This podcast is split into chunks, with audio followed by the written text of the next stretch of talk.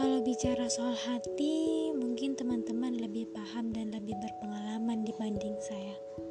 Karena sampai saat ini saya belum paham sebenarnya apa itu falling in love.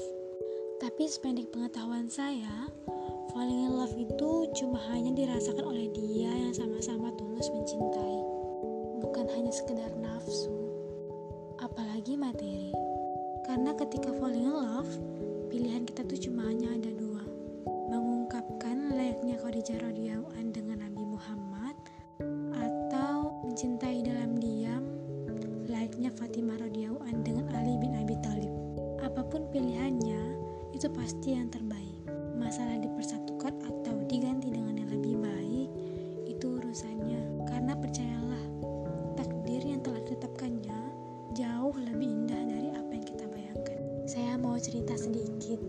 Dua tahun belakangan ini, saya dibikin kagum dengan salah seorang kaum Adam.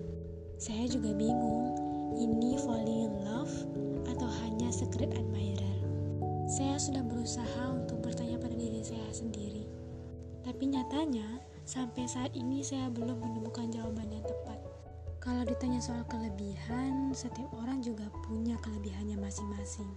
Sampai suatu ketika saya menemukan dan membaca sebuah quotes di salah satu media sosial saya. Bunyinya kayak gini. Tak pacaran, tapi kasmaran. Ia adalah sesuatu yang sering disangka madu. Padahal, ia adalah racun yang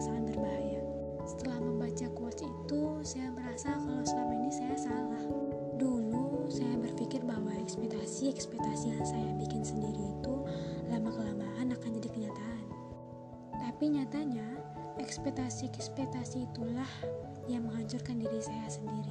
Walaupun lisan saya tidak berkata I love him, tapi tanpa saya sadar di hati kecil saya ada tertulis kata harapan di sana.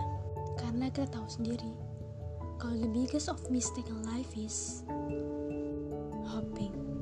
Buat teman-teman yang di luar sana yang merasakan hal sama dengan saya, terutama bagi yang perempuan, tetap jaga hati, pikiran, dan juga perasaan. Karena apa pun yang terjadi dalam hidup kita untuk ke depannya, itu sudah diatur.